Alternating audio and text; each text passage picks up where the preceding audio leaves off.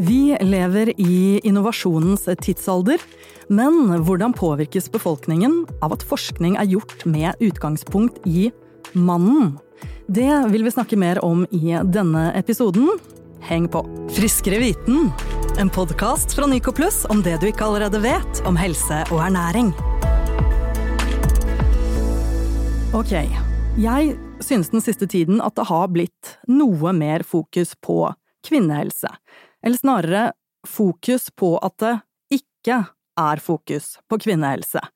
Vi har hatt gjester her i podkasten tidligere som har snakket om dette, for eksempel Silje Sirnes Vinje om mensen og forhold knytta til det, og Lene Bergendal Solberg om beinskjørhet.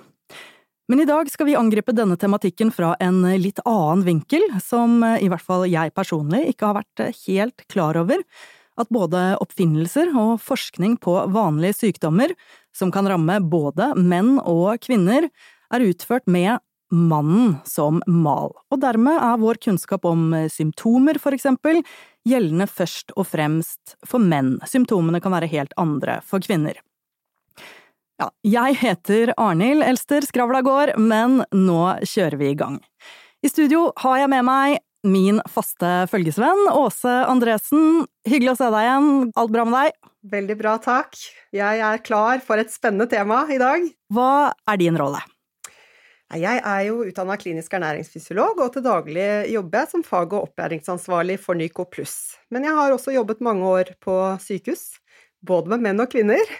Og fra et ernæringsperspektiv så er det jo annet noen grunnleggende forskjeller mellom kjønnene som er viktig å være klar over, f.eks. når det gjelder kroppssammensetning og hormoner, Ja. som kan påvirke både ernæringsbehov og, og forbrenning. Mm. Så det er det jo viktig at det tas hensyn til, ja, både i forskning og når det gis konkrete kostråd, f.eks. Ja, helt klart, og det er jo rett og slett det vi skal eh, komme inn på i dag. Og i tillegg har vi med oss fra Trondheim Kari Løvendal Mokstad. Hei til deg også. Hei, hei. Du er en eh, samfunnsengasjert lege. Du har skrevet boka Kroppsklemma. Du er spaltist i Adresseavisa. Jeg har sett du har skrevet om alt fra overgangsalder og ammepress til mainstreaming av Botox. Masse interessant. Hva vil du selv si om eh, hva du driver med og er eh, opptatt av? Oi, skulle til å si hva jeg er ikke opptatt av. Ja, ikke sant?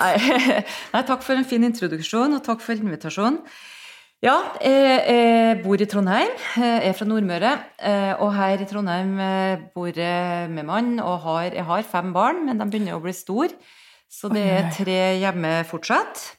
Så, Hvordan får du tid til alt det du gjør? Ja. Nei, de begynner jo å bli store og voksen, de eldste. Altså det Nei, hva skal jeg si? Jeg har vel mye energi, det har jeg alltid hatt.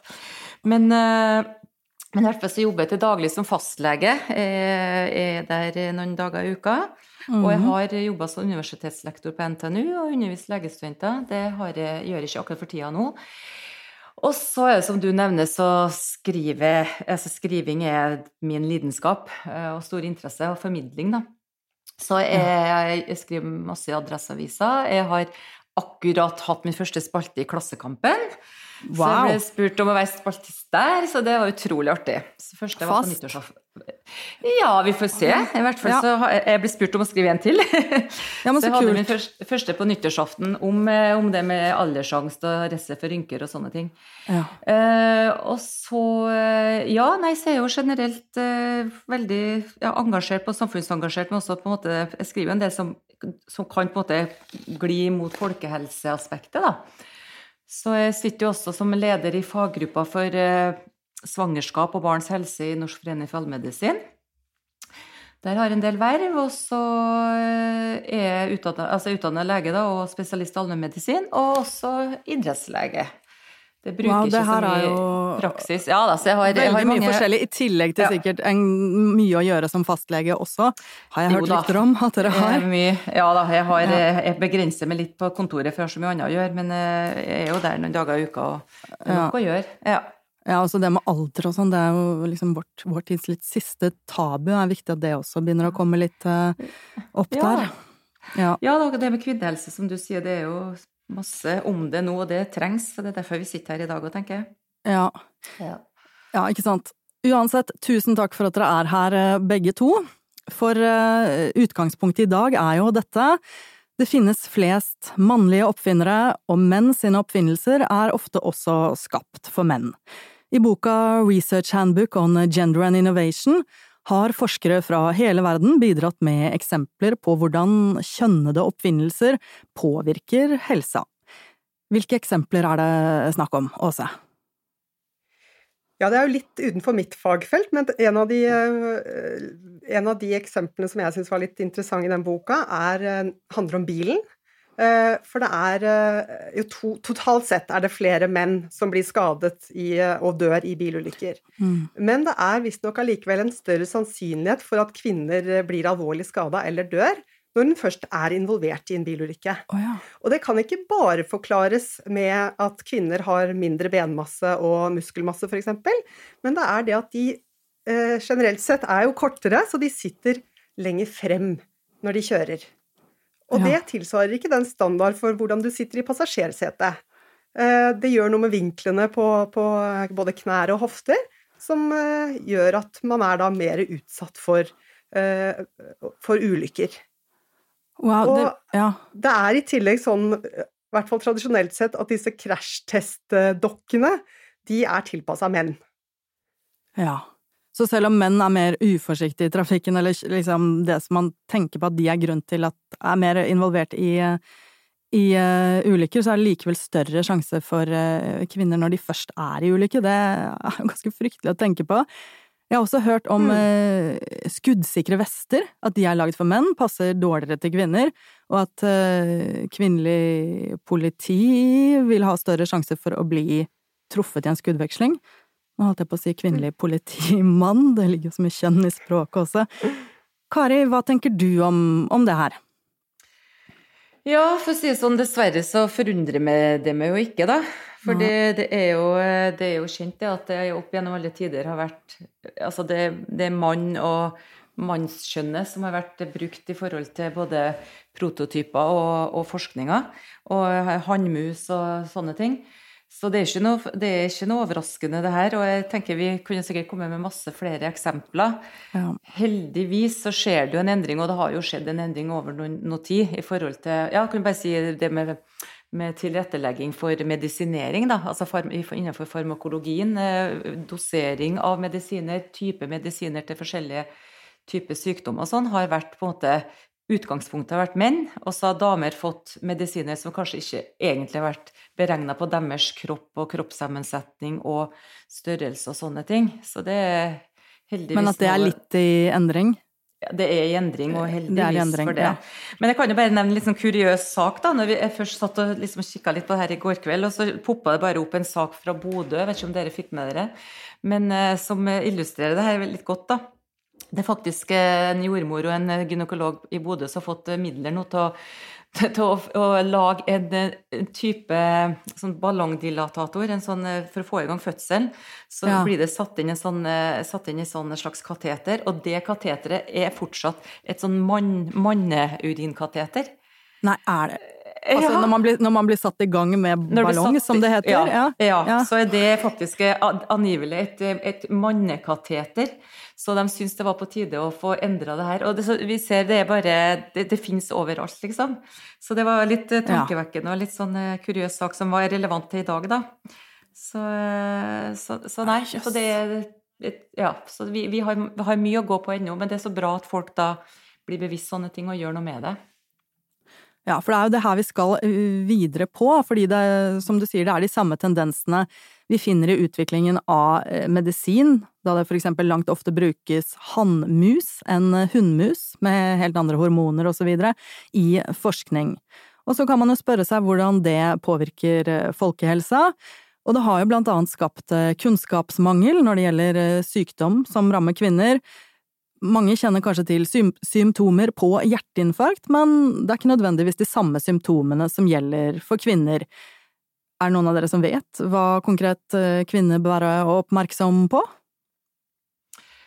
Eh, ja, det er, det er, jo sånn som dere sier, at det er mye som er, har vært forska på, på menn, og derfor så vi som er allmennleger, som, som, ofte er både dem som betjener legevakt og et legekontor, der de kommer inn med brystsmerter, mm. vi bruker jo mye av vår erfaringsbaserte kunnskap, ikke sant? At vi lærer oss ok, det her er det kvinnen kommer med, enten det er hjerteinfarkt eller andre ting.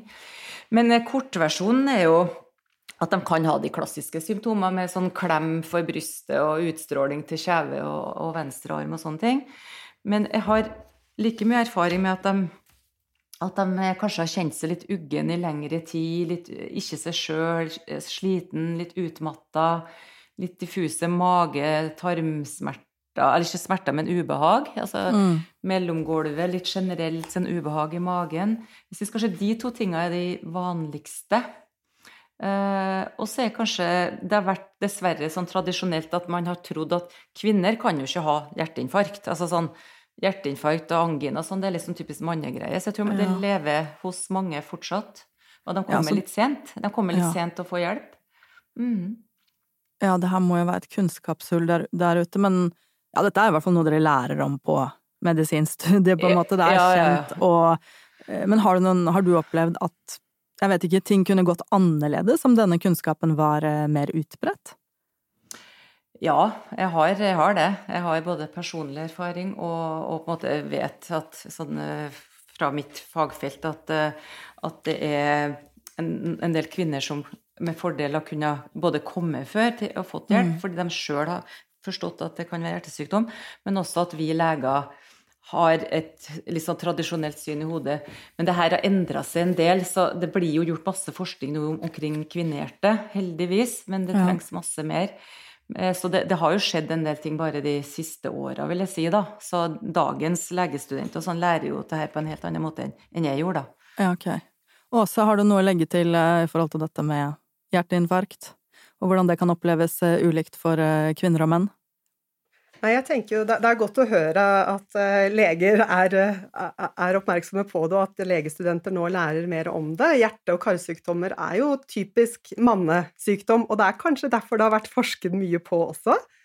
Eh, det er vel tradisjonelt sett sånn at det forskes mest på mannesykdommer. Mm. Men det er jo også viktig at kvinner er, er klar over det. Det handler vel egentlig om likestilling. Det er mm -hmm selv om kvinner kan forvente å leve lenger enn eh, en menn, så er jo deres helsetilstand på mange måter eh, dårligere. Nedprioritert både på en og annen måte, ja. ja. Um, men det som er bra, da, er at antall hjerteinfarkt sånn generelt går eh, ned. Omtrent 10 000 behandles årlig for hjerteinfarkt, og av de som rammes, så er det nå færre som får et alvorlig infarkt og årsaken til nedgangen knyttes til mindre røyking og lavere kolesterol, blant annet. Så det er jo en god nyhet, men eh, endrer jo i og for seg ikke på det at um, få vet at kvinner må være obs på andre symptomer enn det som er allment kjent. Mm. Uh, og så skal vi jo ikke glemme forebygging, da. Ikke sant? Det er jo Der er det jo blant annet en del ernæringsfaktorer som spiller inn, hvor uh, menn ligger jo litt dårligere an enn kvinner når det gjelder uh, inntak av grønnsaker, og de spiser fortsatt for mye rødt kjøtt og, og, drikker kanskje mer alkohol og har en annen type drikkemønster. Så det er jo uh, sånne ting også som spiller inn. Ja.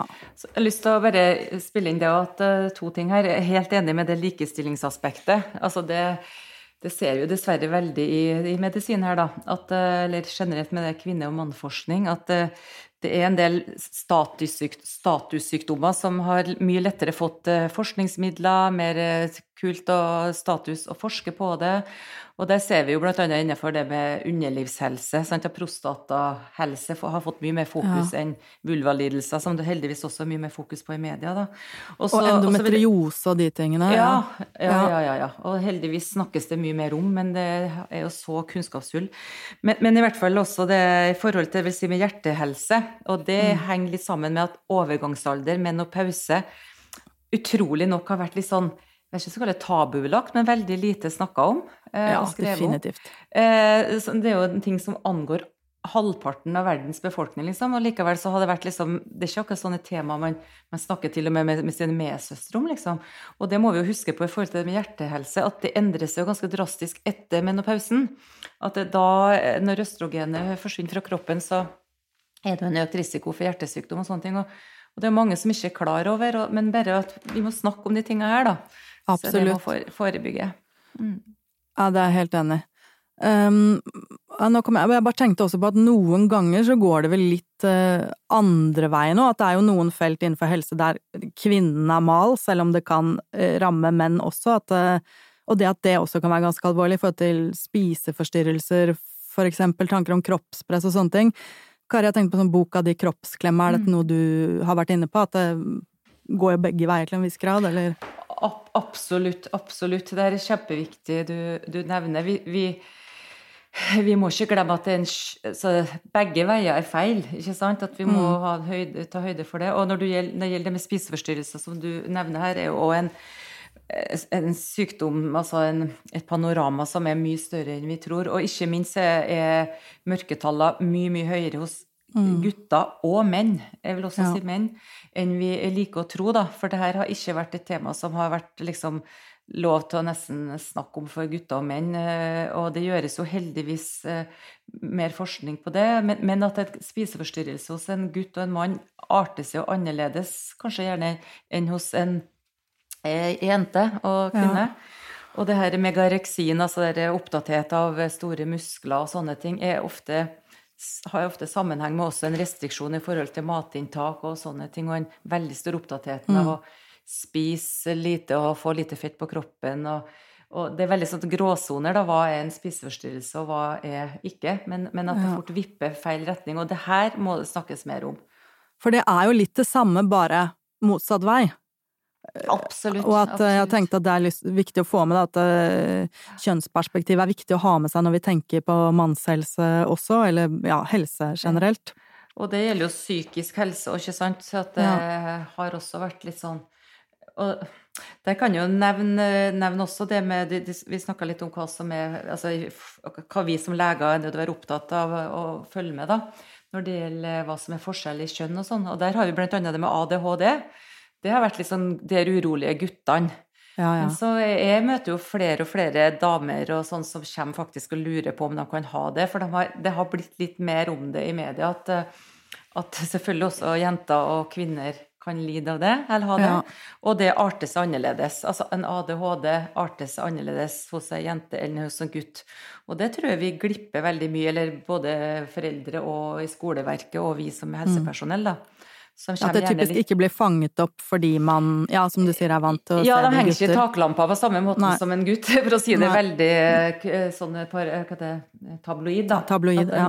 Ja, at det er mer den der oppmerksomhetsvansker og litt sånn, sånn konsentrasjonsvansker, oppmerksomhetsvansker, og det å dette ut og Så det er annerledes enn hos gutter, og da kan det ta veldig lang tid før de faktisk får en diagnose, og, og kan ha mista mange år med problemer med skole og andre ting, da. Så det, så det er en, en, diagnose jeg vil bare nevne, da, som, ja. Eh, som har vært et sånn Ikke disfavør for kvinner, da, men i hvert fall som ikke har liksom vært snakka om at det angår jo også Det rammer jo også jenter og kvinner. Ja, lista er lang, og yes. vi skal gå Vi skal fortsette litt på lista, rett og slett, selv om det er litt eh, deprimerende. Eh, for vi har med oss flere eksempler på hvordan kvinners helse påvirkes av rådende praksiser. Beinskjørhet, for eksempel, er et tema som vi har snakket om på podkasten før. Åse, eh, kan ikke du eh, fortelle litt om hvorfor beinskjørhet er ekstra viktig og relevant for norske kvinner, og menn for så vidt, i, i dag? Ja, nå har jo Kari allerede nevnt overgangsalder og østrogen, og der mm. har vi jo av, en av hovedårsakene til at kvinner er spesielt uh, utsatt.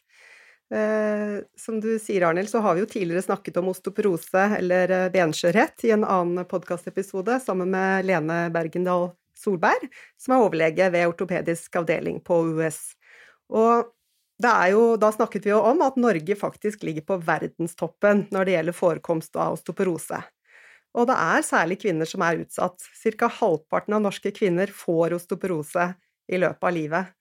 Uh, og, og det er, selv om hovedårsaken er uh, overgangsalder, uh, nedgang i østrogen, så, så, er det jo også sånn at kvinner, altså allerede fra barneskolealder, så er snittinntaket på kalsium lavere enn det som er anbefalt. Okay. Uh, og kvinner over 50 år i snitt får i seg for lite kalsium til å dekke dagsbehovet. Og det er klart at både kalsium og D-vitamin er jo veldig viktig for eh, oppbygging av skjelettet. Mm. Uh, og sånn som uh, Bergendal Solberg nevnte, da, så hun er jo ekspert på feltet. Uh, hun er veldig klar på at det gjøres ikke nok for å forebygge og behandle benskjørhet i Norge i dag. Mm. og hun bidro faktisk til å sette dette på, dagsorden, på politisk dagsorden i 2021. Så det, det skjer jo noe, men ja. det tar tid. Ja, ikke sant. For jeg tror hun dro opp et scenario mm. på sånn type at hvis ikke vi satser mer på forebygging og behandling av beinskjørhet, så kan vi bli stående i en situasjon der sykehusene må operere så mange beinbrudd i mm. året at de knapt har tid til å gjøre noe annet. Og for de som er interessert i denne tematikken, så har vi også hatt da altså en annen Friskere viten-episode på dette, og den heter Slik forebygger du beinskjørhet, for de som vil vite mer. Kari, har du lyst til å si noe fra ditt eh, perspektiv som lege på akkurat denne tematikken?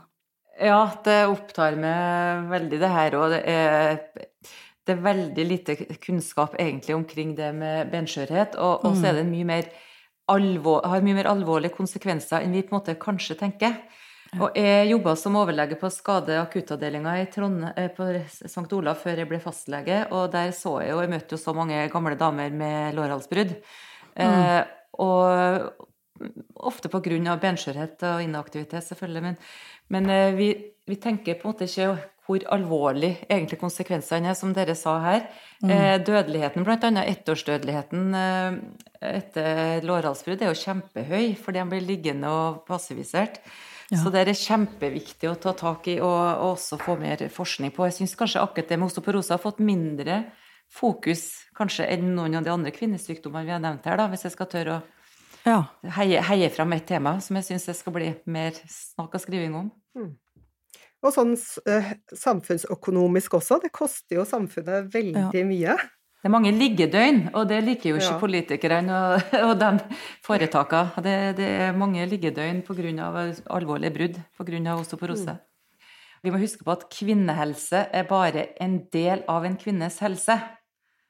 Det, hvis ja. det er viktig mantra for meg. fordi at det ser vi litt tendens til nå, at kvinnehelsen skal outsources til forskjellige utbydere og, og uh, yrkesgrupper, og at man må passe på at selv om det er fint at en omsorg gjøres her og en sykdom behandles her, så er, vet vi det at kvinnehelse Hva er kvinnehelse? Altså om eh, man har en kronisk sykdom eh, så det kan det være en del av det vi kaller for kvinnehelse. Hvis dere skjønner hva jeg mener. Så det er viktig at vi beholder den helhetstankegangen som jeg tror er, er, gjør at kvinner får en bedre oppfølging, da. Ja, det er et veldig viktig perspektiv. Ja. ja jeg tror det, ja, jeg syns det er veldig viktig faktisk å få fram. For det er litt tendens i debatten nå synes at uh, kvinnehelse er en sånn greie, på en måte. Og vi må bare reflektere litt over hva mener vi med det. Ja, at vi, at vi, eh, skal løfte det fram, så løfter vi det også litt ut av eh, helheten. Vi må passe på å ikke løfte for mye ut av helheten, for det sitter jeg ja. som en erfaren fastlege og vet godt at mange av de her tingene vi snakker om her, som er de her sykdommene vi allerede snakker om, det henger sammen med andre ting. Mm. Eh, så det, det, er viktig, det, det, er kjempeviktig for meg faktisk å få sagt, da.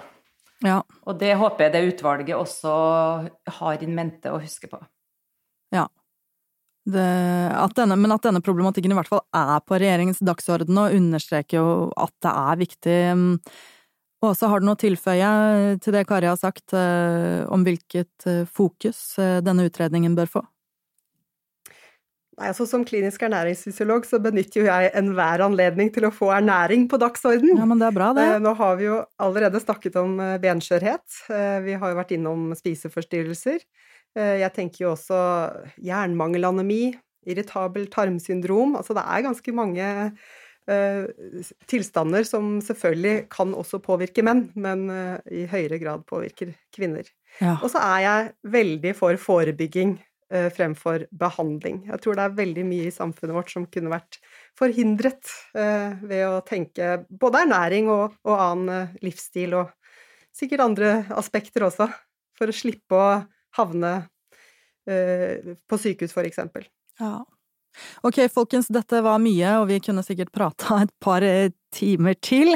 Men uh, for å oppsummere litt, uh, hva er det viktigste som må skje for å endre status quo? Hvilke tema er viktigst, hva er mest skremmende? Kari, du er litt sånn uh, vil kanskje ikke Du har ikke villet nevne én ting, men jeg vet ikke, har du lyst til å dele én siste tanke? Hva syns du er viktig, viktigst eller veldig viktig i forhold til det vi har snakka om så langt? Oi, vet du, jeg syns det er kjempevanskelig å komme ja. seg én ting, så det får man si jeg klarer ikke engang. Men eh, Nei, altså, vi, vi må, vi må eh, Altså at kvinners kropp og helse og syke er akkurat like viktig som menns. Det er, ja. det er jo på en selvsagthet for meg. Men jeg, jeg, jeg, er veldig opptatt av at vi må se, vi må passe på å ikke gå i det blindsporet at vi, vi gjør det her for snevert, og at vi ser mm. det som en del av en helhet. Det er kjempeviktig for meg, faktisk, for det tror jeg er med å fremme kvinners helse. Ok, vi må nesten bare runde av, eh, men jeg er veldig glad for at vi fikk snakka om dette temaet, og for at akkurat dere kunne være med. Um, og altså, tusen takk til deg, Kari Løvendal Mokstad. Ha en fin dag videre i Trondheim. Og dere der ute, sjekk ut nettsiden spalta i Adressa Klassekampen kanskje videre framover, og boka hennes er Kroppsklemma. Takk til deg for at du hørte på. Har du innspill til denne tematikken, skriv gjerne til Friskere viten via Nykoplus på Facebook. Vi høres. Ha det bra.